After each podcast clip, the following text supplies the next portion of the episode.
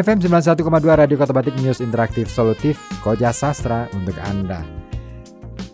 Masih kita bahas bersama satu isei dari karyanya Sapardi Djoko Damono.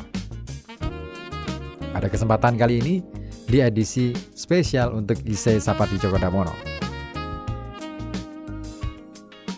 Kita lanjut untuk pembacaannya di bagian berikutnya. Ya, Persoalan dan kesulitan itu tentu tidak usah membuat kita menyerah dengan mengatakan bahwa tidak ada batasan yang pasti untuk sastra.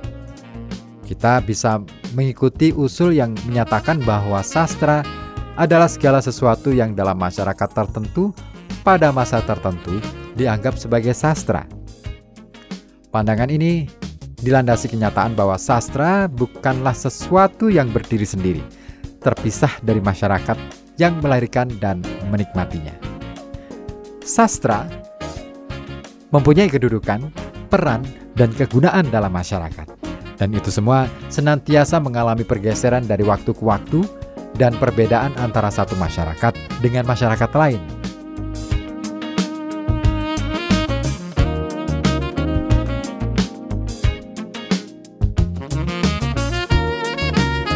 Bagi masyarakat tertentu di Jawa pada abad lampau misalnya, yang dinamakan sastra adalah karya seperti ditulis Ronggo Warsito, yakni yang sangat terikat pada kaidah penulisan dan mengandung nilai pendidikan serta gagasan luhur. Sampai dengan tahun 50-an, masih banyak budayawan Jawa yang merendahkan cerita pendek dan puisi modern Jawa sebagai karangan yang tak karuan bahasanya dan tidak mendidik. Oleh karenanya, tidak bisa dianggap sebagai sastra.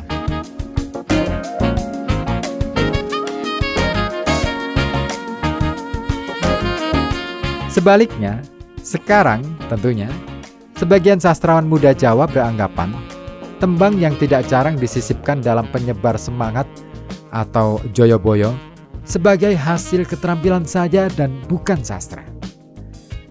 Mungkin sekali sekarang ini kita beranggapan bahwa sastra tidak harus mendidik. Menghibur saja pun boleh, bahkan main-main pun diperkenankan. Tentu tidak bisa dikatakan bahwa zaman dahulu tidak ada yang menghibur atau main-main dengan bahasa, tetapi sangat mungkin hasilnya tidak dianggap sebagai sastra.